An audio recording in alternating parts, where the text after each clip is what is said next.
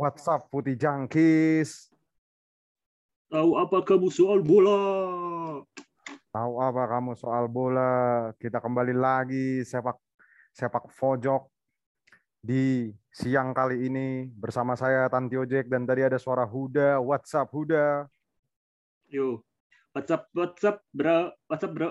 WhatsApp WhatsApp dan ada Aldi juga di sini WhatsApp di Yo, what's up guys? Udah What's minggu up? lalu padahal kita banyak ngomongin MU ya. Malah Iya, ya. ngomongin MU. Gue minggu lalu jadi birthday boy. Oh iya. Oh iya benar. Dia, dia party sampai hangover kayak itu. Huda tuh. Gimana Hud? Sehat Hud? Alhamdulillah. Lu gimana cek? Alhamdulillah. Alhamdulillah juga. Aldi gimana di? Sehat Pak, endorse COVID gue udah selesai sih. Alhamdulillah sudah selesai. Alhamdulillah. Semoga tidak ada yang dapat endorsan lagi ya. Endorsan tuh makanan gitu kan enak ya. Makanan Iya, masa endorse penyakit cuy. Nah, masa penyakit. Nah, pojok nih gak ada yang mau endorse apa? gue gue tuh suka, eh suka dapat email-email gitu gue Hud. Gue nggak tahu apaan tapi takutnya scamming cuy anjir cuy. Terkena scam kita. udah masih kecil udah kena udah kena scam aja. Tapi ngomong-ngomong soal scamming nih eh, banyak kasus-kasus scamming. Jadi kita harus hati-hati yang tiap hari dapat episode eh dapat SMS peminjaman online menang 25 juta tuh harus hati-hati juga. Jangan langsung diambil-ambil juga duitnya. Takutnya bisa hasil ngepet kan duitnya kan. Nah, tapi di minggu kali ini nih sudah fans-fans sepak bola seperti kita sudah mulai seru karena sepak bola sudah mulai lagi. Yang paling terbaru tuh, kalau kemarin kan Liga Inggris udah mulai kan, sekarang minggu ini Serie A dibuka dengan kemenangan dari juara bertahan Inter Milan atas siapa nih? Yo. Atas siapa sih? Genoa, Genoa. Genoa. Ya, lawan Genoa. Ini skornya 4-0 ya. Nih katanya gue gue semalam cuma nonton pas golnya Hakan Calhanoglu ya sih, soal gue empat juga nontonnya. Ngapain gue nonton Inter? Gue penasaran aja sih. Mana lagi dia ngegolin. Malah lu nampaknya Calhanoglu lagi. Aduh, Jack, Jack. Calhanoglu ngegolin kan, Edin Dzeko ngegolin. Tapi kalau ngomongin soal Inter nih, ini Serie A juga udah mulai. Tapi gue nggak nggak nggak bisa bahas tim gue nih. Tim gue mainnya baru Selasa pagi tuh, lawan Sampdoria. Nah, Inter Milan ini, Inter Milan ini menang 4-0. Eh, Sebenarnya kalau dari, dari skemanya juga nggak banyak berubah dia. Tetap pakai 3-5-2 ya, karena si si Betul, betul. Inzaghi kan juga dari Lazio pakainya gitu juga kan ya. Betul, itu salah satu plus point sih. Kemarin yang kehilangan Conte, gue sangat berharap dapat Hmm. pelatih yang emang skemanya sama 352 karena Hmm. gue tuh paling seneng sebenarnya Inter itu menurut gue plus Hmm. poinnya Inter adalah di trio lini belakang sama kiper itu kalau Ah. dirombak lagi jadi balik kedua back kayaknya sih bakal kocar kacir ya untungnya dapatnya si Inzaghi sih Nah, dapat Inzaghi. Tapi kemarin tuh si Lautaro Martinez ini ya, nggak nggak belum main deh. Dia suspension kan dari Iya. yang pertandingan terakhir Akhirnya si siapa tuh namanya Stefano Sensi ya. Jadi main satu striker, Stefano. Sensi di belakang gitu.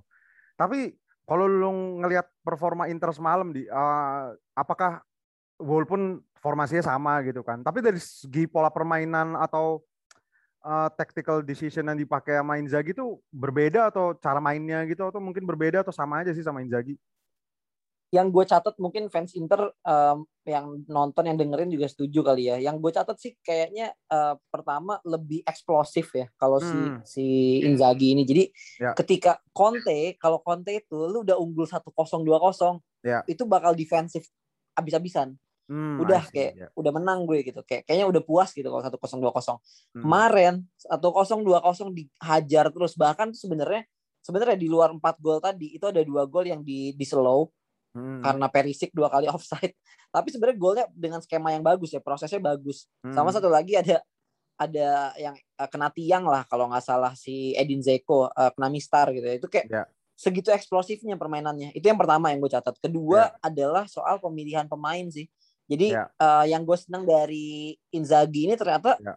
kreatif gitu. Ketika ada pemain dan pemilihan pemainnya. Contoh ketika ngeganti Bastoni dengan eh, Dumfries. Iya. Itu kan dua hal, maksudnya posisi yang aneh kan. Back tengah lu ganti sama eh, back eh, RB kanan gitu, eh, full Hmm. back kanan. Kayak kayak gitu-gitunya. Terus Nah. eh, Sensi diganti ke Vidal gitu kayak kayak lucu aja sebenarnya cuman itu sih yang gue seneng kayak lumayan variatif dalam dalam eh, mengotak-atik formasi. Dua hal Nah. yang gue catat itu sih yang bikin beda. Nah, ini kan kemarin juga udah beli Denzel Dumfries ya. Tapi yang dimainin pertama Darmian dulu dia, bukan Dumfries. Mm, Dumfries malah nggak kelihatan segitu eksplosif ya Pak. Mungkin masih malu-malu kucing kali ya. Nah, mungkin masih butuh penyesuaian adaptasi juga nih. Cuman nih disclaimer sedikit ya, nih kita kan Juventus baru main minggu malam ya. Kita belum bisa bahas yang lain-lain nih, kita recordnya hari Minggu cuy. Jadi kita upload Mm-mm. Senin kan. Mungkin minggu depan nanti kita lihat kan seperti apa. Tapi lu melihat Inter menang sama Genoa kan, Genoa. Genoa terus kan ada siapa sih? Kagak ada siapa-siapa kan, kan Cristito dong gua Wah, kemarin Genoa. Iya, Genoa tuh aki- aki-aki Pandev, semua cuy. aja yang main gue juga bingung. iya, pandai. Lu lihat kiper Sirigu, Pandev, Crisito. Tapi ada beberapa nama yang lumayan sih kemarin tuh yang gue eh, siapa ya namanya back, back kanannya Sabelli apa tuh lumayan tuh Hmm. mainnya. Inter nih berhasil 4-0 nih ya. Tapi Jeko nih kan dianggap remeh gitu kan. Kemarin wah udah tua kan. Umurnya berapa sih? 35 36 ya? 35 36 something kan. Dia mirip-mirip kayak Gio Iya, gitu kan. Udah segituan kan. Mm-mm. Tapi lu optimis gak di dia bisa menggantikan perannya Lukaku di, di musim ini di? Sebagai fans Inter. Sebenarnya Hmm. sebenarnya kalau ngomong kualitas ya Zeko itu Hmm. bagus kualitasnya kual- pemain berkualitas juga Hmm. Uh, top top class player lah tapi memang dari segi usia udah nggak bisa bohong sih usia itu kan Hmm. akan sangat pengaruh sama uh, Ya. pace sama stamina uh, Ya. terus mungkin rawan cedera itunya sih yang gue agak concern kalau misalnya lu cuma ngandelin Zeko di dua sampai tiga kompetisi berbeda sih Hmm. kelar lu kayak kayaknya sih kelar ya lu harus punya Hmm. backup lagi masa lu mau ngandelin Pinamonti sih nggak nggak make sense lah menurut gua kemarin Satriano aja yang pramusimnya oke ternyata mainnya melempem banget kalau begitu kompetisi beneran Satri Satriano tuh jangan-jangan nanti jadi kayak Samuel Longo jangan-jangan di. iya jangan-jangan Ah, itu Samuel Longo udah apa kabar tuh? Itu umur berapa tuh, anjing Samuel Longo itu? Eh, gitu. wonderkid apaan coba itu Bander, iya kan. Ah, kemarin tuh yang main juga udah ada Hellas Verona, udah ada ini. Tapi tim besar baru Inter kan. Baru main tuh minggu nanti kan. Gue tuh sebenarnya penasaran AS Roma sih. Kayak apa nih di bawah Jose Mourinho nih kan. Kalau lu Hud ada komentar sedikit tentang Serie A yang bergulir mulai weekend ini kira-kira? Lu kemarin kan gak ikut, gak ikut Um, ini tuh, gak ikut siaran kemarin. Iya sih. Gua kalau ngeliat Serie A, jujur gua kemarin cuma lihat si Inter dong ya. Gue juga nggak nonton langsung. Gue benar-benar lihat highlight ya, terus ngeliat eh, live score gitu-gitu ya. Dan Hmm.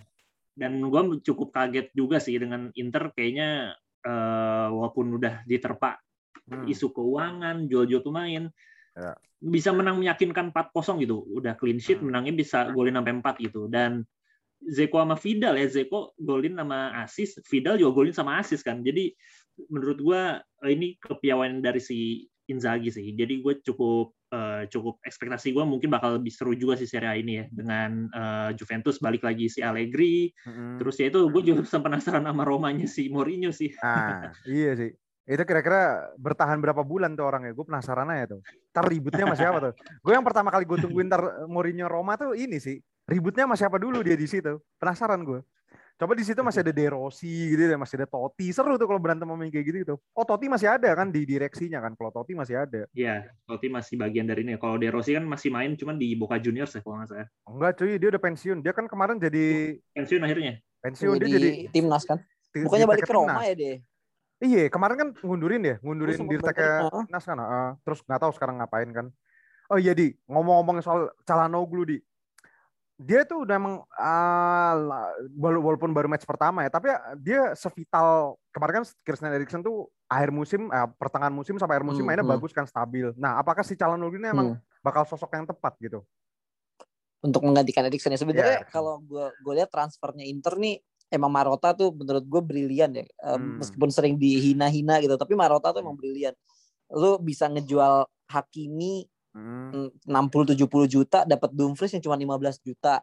Hmm. terus Zeko gratis Calhanoglu gratis gitu. Dan dan dua itu menurut gue sosok yang memang eh, kredibel untuk menggantikan eh, pemain-pemain yang hilang nih si Eriksen terus sama si Lukaku gitu ya. Hmm. kalau untuk dibilang bakal moncer apa enggak sih feeling gue iya. Karena secara tipikal permainan Erikson sama uh, si Calhanoglu itu sebenarnya mirip ya. Bola-bola matinya oke terus Ya. uh, shoot jarak jauhnya oke. Bedanya itu sebenarnya Calhanoglu menurut gue sedikit lebih eksplosif jadinya makin makin atraktif aja sih karena Erikson kan memang agak apa ya kayak maestro gitu lah mainnya kayak apa kayak regista lah gitu ya Hmm. kayak Pirlo yang agak-agak terlalu agak-agak santai gitu mainnya. Itu sih yang yang menurut gue bikin Calhanoglu mungkin bisa jadi pembeda. Makanya gue agak kayak aduh sayang banget ya sebenarnya kalau jadi fans Milan tuh harusnya Hmm.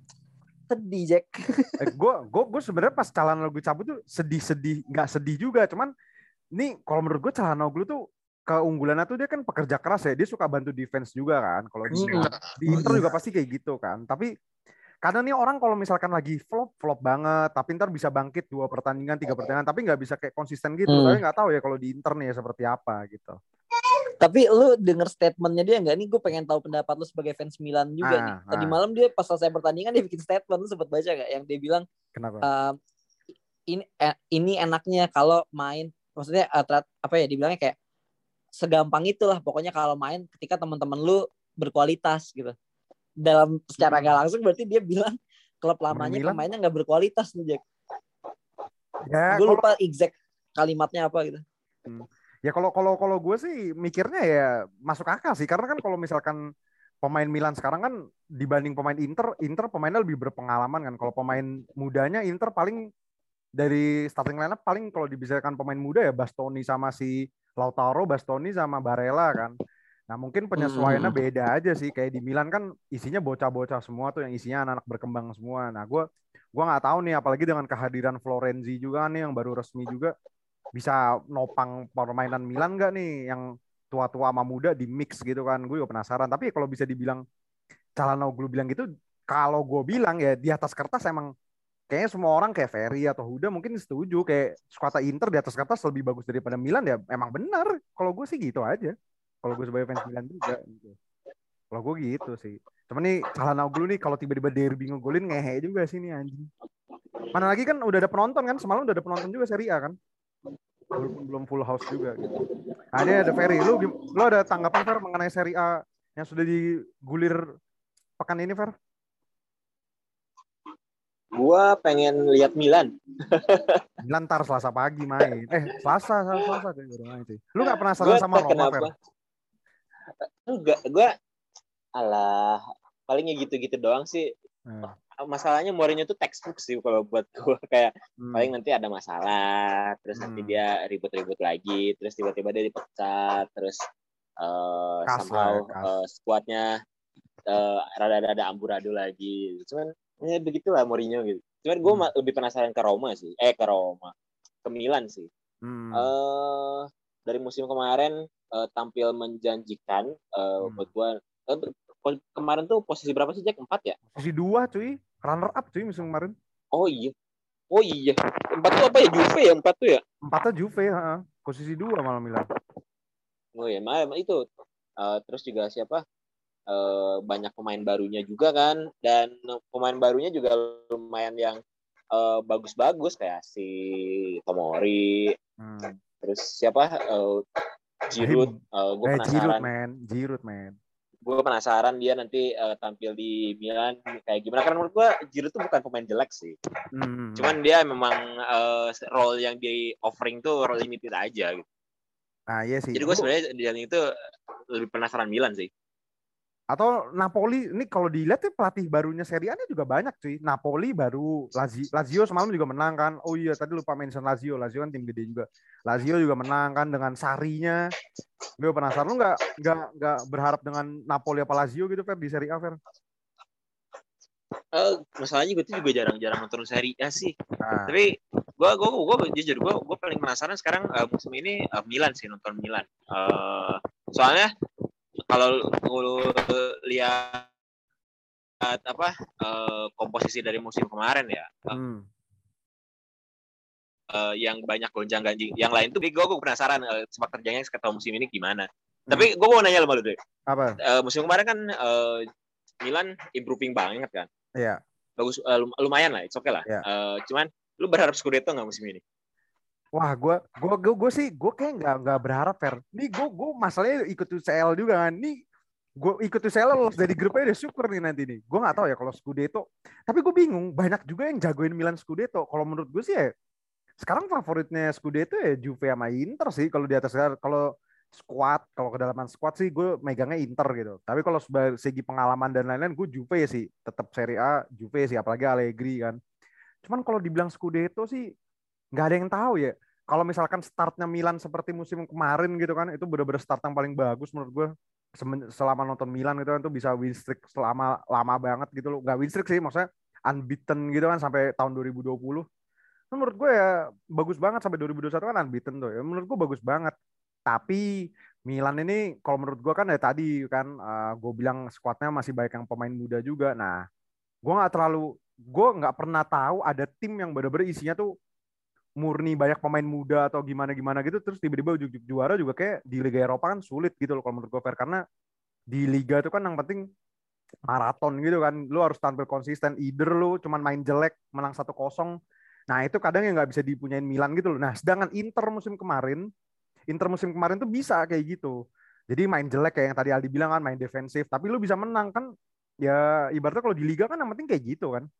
Atau Huda mungkin lu ada tambahan Hud Ya, eh gue sependapat sih sama lu kayak Hmm. eh Serie A tuh mulai mulai musim sebenarnya mulai mu- dua musim lalu sih. Ya. Itu kan juga sebenarnya si Juve itu hampir kekejar sama Inter kan. Cuman Hmm. Internya tiba-tiba musim musim apa menjelang akhir musim kan gas ya. bapuk lah gitu kan. Akhirnya nggak jadi jadi akhirnya si siapa Juve lagi gitu. Hmm. Nah dari situ gue udah ngeliat sih ada perkembangan kompetitif gitu ya, nggak cuma Juve terus lagi. Akhirnya Hmm. si Inter lah kemarin musim lalu keluar jadi pemenang. Terus Milan startnya juga oke lah musim lalu.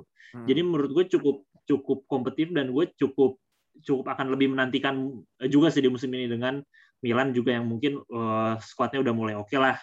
Walaupun udah kehilangan Donnarumma gitu, tapi kayaknya Hmm. juga dari segi eh, apa ya, segi nonton dan mungkin materi pemain juga agak lumayan lah dan udah ada penonton kan, jadi kan mungkin udah udah kansnya akan beda kayak gitu. Begitu pun begitu pun juga Roma tadi yang kita penasaran itu kan kayak Romanya Mourinho bakal kayak gimana nih? Entah itu bakal ancur-ancuran kayak udah eh, tabiatnya Mourinho bikin ribut atau malah Hmm. ya, kalau gue sih punya prediksi kayak ada kemungkinan cukup oke nih Mourinho tuh tipikal yang kayaknya cocok untuk jadi pelatih Serie A gitu loh. Jadi eh, benar kata lu sih konsistennya itu walaupun menang 1-0 pun ya udah itu lu tetap tetap dapat tiga poin gitu. Dan Hmm. kuncinya adalah lu harus mencari poin sebanyak-banyaknya ya mau berapapun eh, menangnya asalkan konsisten sih itu bakal juara gitu. Nah dan gue mungkin bakal bisa prediksi ya bener agak sikut-sikutan di Juve Inter sama Milan mungkin bakal masuk juga sih. Gue gua malah nggak tahu nih Atalanta gue masih bingung nih kasihan juga sih Atalanta. Pemainnya Hmm. pada dicopot-copotin kan Tapi Atalanta kemarin Iya, menang tuh lawan Torino kan. Kemarin menang juga Atalanta. berarti berarti memang Gasperini ya si pelatihnya ya? Gasperini, Emang Gasperini. masih menurut gue emang master class-nya ada di dia sih kuncinya ada di pelatihnya berarti dengan squad yang emang eh, baru berkembang gitu dia bisa eh, tetap bisa dapat menang dan menurut gue cukup dinantikan juga sih Atalanta Lazio pun juga menurut gue bakal bisa lebih ngedobrak juga sih Napoli juga bukan kaleng-kaleng nih menurut menurut gua kalau di atas kertas kayak Spalletti sama Gattuso kalau dibandingin ya pasti Spalletti gitu loh. Tapi kalau tadi tadi ngomongin soal Milan, gue setuju apa kata Huda. Gue nih sebenarnya nih fair, gue lebih insecure juga nih ngelihat sejak Donnarumma Donnarumma cabut nih. Gue penasaran sih si kiper Prancis ini nih dia tuh by the way timnas kan ya kemarin ikut Euro iya. kan cuman nggak main ya Nggak main, nggak main. nggak main tapi ya itu gue penasaran gue gue tuh ibaratnya sebagai fans Milan tuh kayak fans MU tiga musim dua musim kemarin itu kalau kipernya bukan itu itu gue pakai moto itu kalau kiper bukan itu mungkin Milan kelempar dari empat besar bisa aja cuy. Kayak De Gea lah De Gea kan waktu lagi pik-piknya tuh menolong MU banget kan ibaratnya Donnarumma musim kemarin tuh juga kayak gitu cuy. Di samping emang uh, gue nggak tahu sih tapi faktor kalau Milan bisa mungkin bisa melangkah jauh gitu Serie A mungkin ya faktor Zlatan juga sih walaupun dia jarang bakal jarang main ya karena ya umurnya udah 40 bos tahun ini bos. Gila cuy kalau masih main konsi reguler. Oh iya, iya udah 40 tahun cuy kalau reguler. Gue nggak tahu sih tapi perannya Ibra tuh emang penting banget sih kayak di hmm, gue pernah ngobrol sama temen gue yang anak Juve juga. Sebenarnya Ibra tuh emang buat di belakang layar sih kalau menurut gue gitu sih. Nah tadi eh, ini bergeser dikit nih mungkin Serie A. Nanti kita tunggu pembahasannya lagi karena matchnya tim gue belum main juga nih Juve juga belum main juga jadi belum bisa bahas gitu loh tapi sebenarnya kalau ngomong Serie A sih Juve nih menarik juga belum beli pemain satu pun nih gue juga penasaran sih nanti kita tunggu aja deh. Locatelli katanya. Oh iya Locatelli. Locatelli nih boleh-boleh nih. Ini kenapa pemain-pemain Milan mainnya di tim rival semua sekarang ya? Nih aduh. Gue tuh kadang menyesal juga cuy Locatelli cabut. Milan cuman buat demi ngasih posisi ke Lukas Bilia yang udah tua anjing. Tolol banget emang cuy. Parah parah parah. Oh iya, Locatelli itu ini ya, bocah Milan ya. Gua bocah lupa. Milan, bocah Milan Primavera cuy. Cuman dia kan mau nggak mau dijual itu ya gara-gara buat ngasih posisinya ke Lukas Biglia. Gue juga nggak tahu otaknya ditaruh mana sih. Minimal di loan gitu loh, dipermanenin dijual ke Sassuolo. Anjing, itu kotak banget sih emang. Nggak paham lagi gue. Itu gue rada menyesal sih.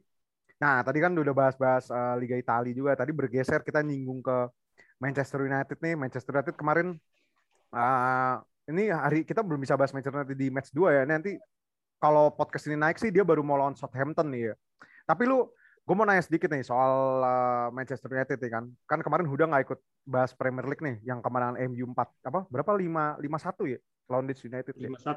Nah, gimana Hud lu menyongsong musim ini dengan uh, kepercayaan diri tinggi atau masih santai-santai dulu nih Hud? MU di musim ini Hud? Gua cukup pede untuk saat ini. Hmm. Kayaknya Aldi kan mention banyak juga di grup ya. Kayaknya MU bakal juara, nah, bakal Aldi, juara ya. dan hmm. dan menurut gua itu peluang itu bukan peluang kecil gitu. Hmm. Peluang besar banget juga enggak sih. Cuman kansnya tuh lebih ada lah ketimbang uh, musim lalu ataupun musim lalunya lagi gitu. Okay. Gue cukup pede dari komposisi skuadnya, pembelian transfer pemainnya kayak Sancho, Varane gitu kan. Terus juga kematangan kayak pemainnya juga uh, kayak si Greenwood lah, udah hmm. makin ini Uh, terus ya ditambah dengan pemain-pemain uh, apa ya pemain-pemain seniornya kayak Mata, Matik, hmm. uh, Cavani gitu ya. Uh, ya. dan kegacoran Pogba sih ada kemungkinan hmm. Pogba kan bakal dipertahankan nih musim ini nih maksudnya ya. setidaknya bakal dia bakal bertandu dan kuncinya di sini sih kalau misalkan uh, Pogba apa mungkin ngeliat ngeliat squad MU-nya udah bagus dan ada kans untuk emang bisa dapat gelar, gue yakin Pogba bakal perpanjang kontrak sih. Dan hmm. emang sekarang MU lagi ngusain itu kan, dia lagi nego sama si uh, Mino Rayolanya gitu kan. Ya. Dan ya faktor paling penting juga sih nggak bisa dibohongin sih ya si Bruno Fernandes gitu. Uh, dia benar-benar uh, gue lah ketika si Fernandes main sama Pogba dan atau ya. ketika Fernandes main sendirian di tur gelandangnya itu tuh kelihatan beda banget gitu. Ada hmm. partner yang emang pemain kelasnya tuh ada gitu si Pogba ya. gitu. Dan kelihatan banget kalau main berdua uh, lu bisa lihat sendiri lah contohnya lawan Leeds kemarin. Atau enggak mungkin di musim lalu beberapa kali juga ada kan yang memang mereka ketika main bareng tuh kelihatan lah kelasnya gitu. Apalagi kalau misalnya nanti ditambah depannya ada Cavani yang menurut gue ya kalau misalkan Cavani udah mulai main ya uh, dari ya. segi positioning gitu-gitu itu bakal ini. Jadi gue bisa bilang sih ya Manchester United bisa ada kans untuk juara Liga Inggris sih. Walaupun mungkin gue nggak nyebutnya besar banget ya. Karena gue juga nggak bisa bohong ya, Liverpool juga Van Dijk udah balik. Hmm. Terus City juga habis menang 5-0 lawan Norwich. Si hmm. manusia 100 juta itu nah. golin juga akhirnya. Walaupun golnya nggak sengaja. Golnya gol-gol kayak gol giveaway anjir tuh kayak dia iya. sengaja gerakin dengkul kayak itu orang kayak. Iya. Itu terus uh, nggak bisa dibohongin juga kayak uh, mungkin gue juga Chelsea itu juga Chelsea menurut gue agak menakutkan juga ya karena ah. habis juara Liga Champion ya musim lalu dan Spurs juga menurut gue ya ini Nuno nih ada sedikit lebih ada angin segar gitu kalau menurut gue ya, dengan squad hmm. yang seadanya dengan pembelian yang juga mungkin seada dan emang mati-matian mempertahankan si Ken ya untuk saat ini ya. ya. Menurut gue bakal bahaya juga sih. Nah, tapi ngomong-ngomongin soal Nuno nih kan kemarin si Manchester City kalah kan dari Nuno. Tapi sebenarnya gue nggak ngeliat perubahan taktik dari Nuno sih. Dia kayak nge-aplikasikan yang ada di Wolverhampton ke Spurs. Kalau lawan tim gede. Lu setuju nggak sih, Fer? Dari cara mainnya si Nuno di Spurs kemarin pas lawan City? Ya, gue gue nonton lawan City cuman babak pertama doang sih. Cuman hmm. uh, iya sih, gue hmm.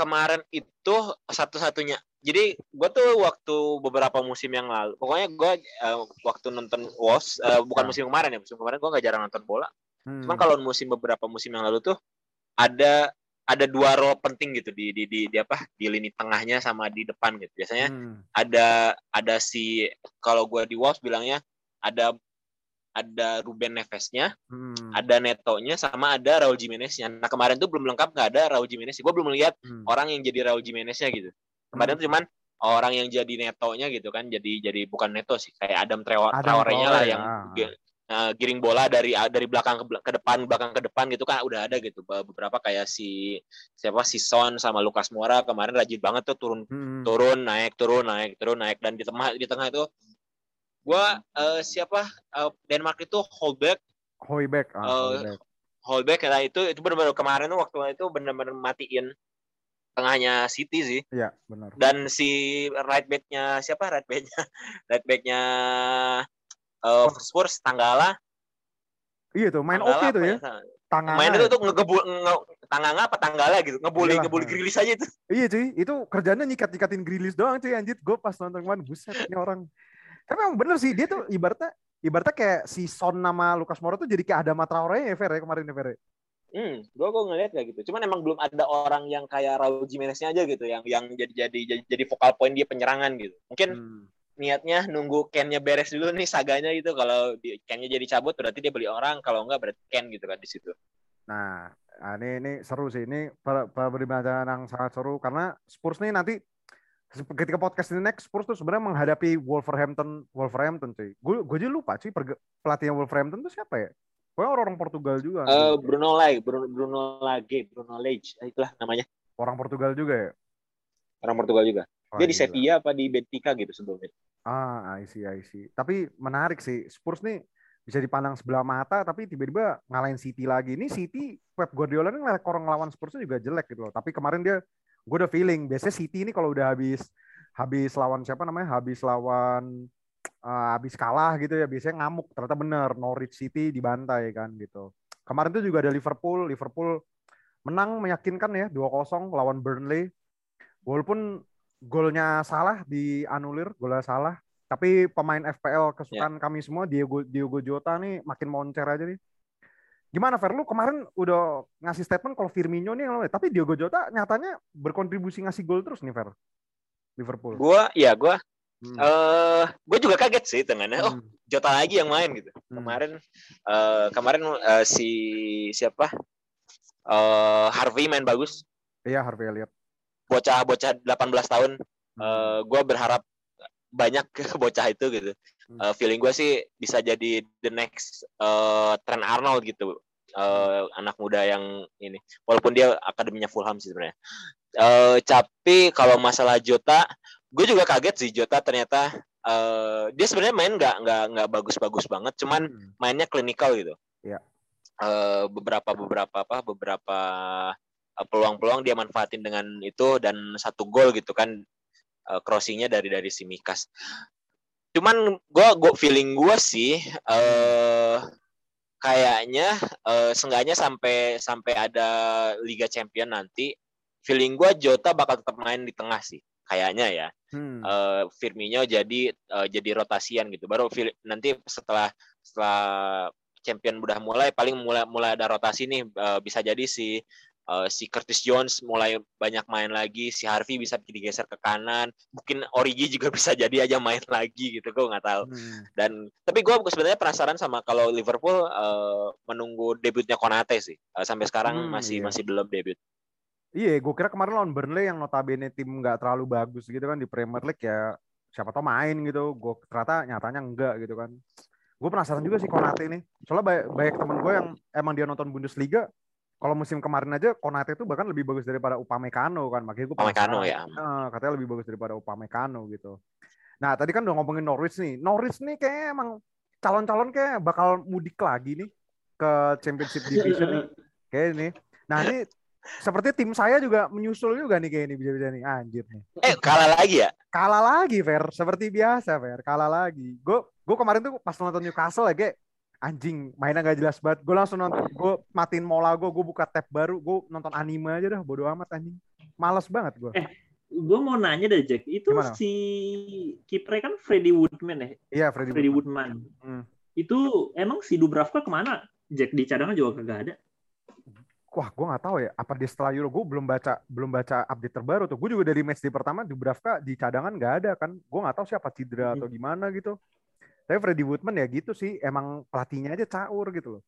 Ya, tapi gue gue sebenarnya nggak mau ngomongin match Newcastle-nya nih. Ini kemarin ada perdebatan menarik juga nih. Masalah lu lihat kan offset-nya yang lagi viral, offset-nya ke Callum Wilson ya, Fer. Oh ya. Yang Eh, ngomong Kalau Wilson, oh gue belum gue belum lihat. yang Callum Wilson. Jadi posisinya itu persis kayak Bruno, Bruno yang kemarin pas lawan Leeds. Bruno yang lawan Leeds. Tapi Hmm. kalau yang itu kan kayak offset sejempol doang kan. Nah, ini regulasi baru dari Premier League nih kan udah mengatakan kalau misalkan offset sejempol ujung kaki gitu aja tuh udah nggak offset lagi kan. Nyatanya Bruno kemarin dapat kayak gitu. Nah itu gue fair. Nah ternyata kemarin pasti kalau Wilson kayak gitu juga masih offset juga. Nih gimana gimana pendapat lu Fer? Apa Huda gitu? Ini regulasinya FA nih kadang nggak jelas juga anjir. Gimana Hud? Gua iya yeah, ini sempat yang gol gol ketiganya Fernandes kan waktu pas Iya, dia hat kan umpan dari. Lindelof nah, ya Lindelof. gua itu itu juga waktu pas gua nonton itu nggak offset ya oh ternyata gua habis itu eh, gua baca ini kan ya berita news gitu kan soal emang Hmm. aturan offset baru gitu ya Hmm. dan gue sih cuma bisa bilang emang ini entah itu FA-nya, entah itu gue nggak ngerti wasitnya ya. Kadang tuh Nah. kita nggak bisa nggak bisa paham nih di situasi di lapangan karena kita satu kita bukan wasit gitu kan. Iya, iya. Wasit itu pasti punya pandangan berbeda. Hmm. Entah itu dari wasit yang di lapangan atau wasit yang di Par. eh, VAR-nya, Hmm. VAR-nya atau eh, fourth officialnya gitu kan yang di luar eh, lapangan lah pokoknya. Gitu. Jadi eh gua nggak bisa eh, bukan nggak bisa ya, gue kayak lebih bingung gitu kayak Hmm. aturan-aturan yang eh, berubah-berubah ini tuh tapi kadang diterapinnya juga suka setengah-setengah juga kayak Hmm. gitu. Perlu menurut gue perlu kajian ulang sih untuk nextnya gitu dan entah itu gue gua nggak tahu nih entah itu FA atau wasit yang di lapangan ya yang akhirnya ujung-ujungnya bakal memutuskan untuk offside apa enggaknya dalam satu eh, kejadian kayak gitu. Mung- Coba mungkin dari Ferry gimana? Gue gue sih gue sih masih nggak bisa nembak nggak bisa ini. Gue nggak tahu sih antara wasit atau si FA-nya sih kalau kayak gini. Feeling, feel- feeling Hmm. so- so- soalnya eh, tapi emang ada perubahan kan. Jadi Ada, ada. kalau nggak salah eh, soft offside itu udah nggak nggak nggak nggak bukan offside gitu. Jadi Hmm. lu kalau bisa offside nggak kayak musim kemarin yang lu ketek lu Ah. kelihatan apa kelihatan offset di layar tuh nggak dibi- dibilang offset. Jadi Hmm. udah udah udah udah kudu kelihatan jelas gitu yang udah misalkan kayak kakinya udah setengahnya atau gimana gitu kayak si salah offsetnya salah gitu nah mungkin Hmm. kudu kayak gitu gitu tapi eh, eh, disclaimer gue belum lihat golnya gol offsetnya si Calvin Lewis Ini tapi Wilson. feeling gue ya oh Calvin kalau Wilson. Kalau Wilson apa Calvin Lewis sih lu mau bilangnya Calvin Lewis anjing Kok Calvert, kalau Wilson kan Newcastle yang rame. Tadi bahas Newcastle.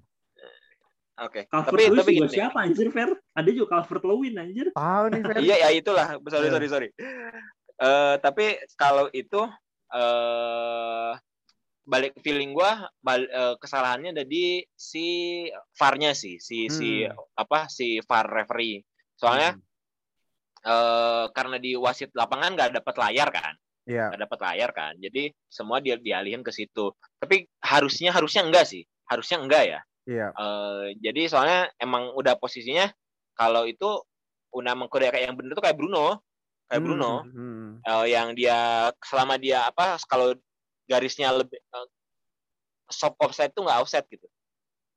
Jadi kalau cuman ketek lu atau Hmm. seuprit lu itu enggak gitu.